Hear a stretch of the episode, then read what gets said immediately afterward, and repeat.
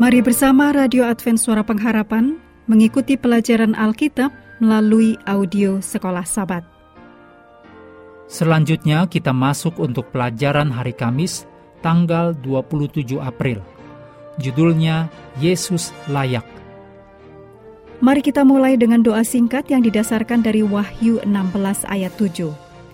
Ya Tuhan, Allah yang Maha Kuasa, benar dan adil segala penghakimanmu. Amin.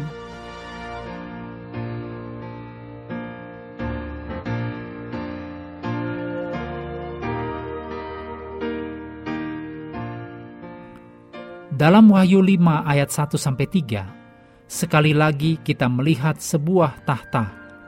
Sebuah gulungan diperkenalkan. Ditulis di kedua sisi dimeterai dengan meterai ilahi, dan tidak ada seorang pun di surga atau di bumi yang dapat membuka gulungan itu. Makhluk surgawi gemetar. Ini masalah serius. Tidak ada makhluk malaikat yang dapat mewakili umat manusia dalam penghakiman terakhir di bumi. Yohanes menangis karena tidak ada yang bisa membuka gulungan itu Kemudian salah satu tua-tua, salah satu dari mereka yang ditebus dari bumi, mengucapkan kata-kata yang menguatkan hati Yohanes. Yesus, anak domba Allah, layak untuk membuka gulungan itu. Yohanes melihat jawaban akhir untuk masalah dosa dalam Wahyu 5 ayat 5 di sini, nabi yang sudah tua itu melihat satu-satunya cara bagi siapa pun agar dapat melewati penghakiman terakhir di atas tahta Allah. Dalam Wahyu 5 ayat 5 dan 6 dikatakan, Lalu berkatalah seorang dari tua-tua itu kepadaku, Jangan engkau menangis. Sesungguhnya singa dari suku Yehuda, yaitu Tunas Daud, telah menang, sehingga ia dapat membuka gulungan kitab itu. Maka aku melihat di tengah-tengah tahta anak domba seperti telah disembelih.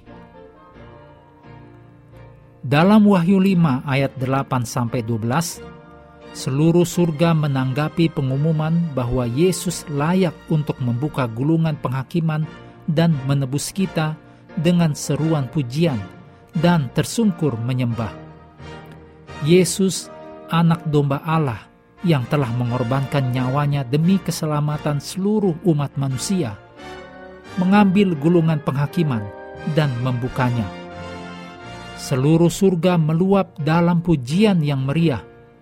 Kemenangan Yesus atas pencobaan iblis, kematiannya di salib Golgota, kebangkitannya, pelayanan imam besarnya, memberikan keselamatan bagi semua orang yang telah memilih dengan iman untuk menanggapi kasih karunia-Nya.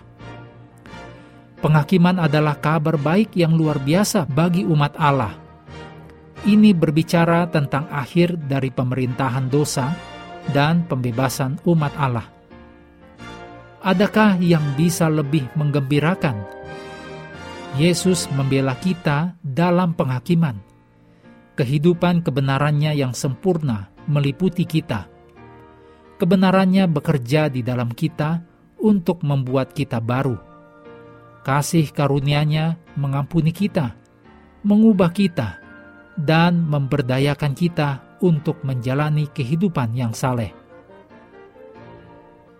Kita tidak perlu takut. Yesus membela kita dalam penghakiman dan kuasa kejahatan dikalahkan. Penghakiman dijatuhkan dalam kebaikan umat Allah. Demikian ditulis dalam Daniel 7 ayat 22. Tujuan dari penghakiman bukanlah untuk mengetahui seberapa buruk kita, tetapi untuk mengungkapkan betapa baiknya Tuhan. Sekali lagi, pikirkan pengharapan besar yang kita miliki dalam penghakiman dan itulah harapan kita satu-satunya, Yesus sebagai pengganti kita.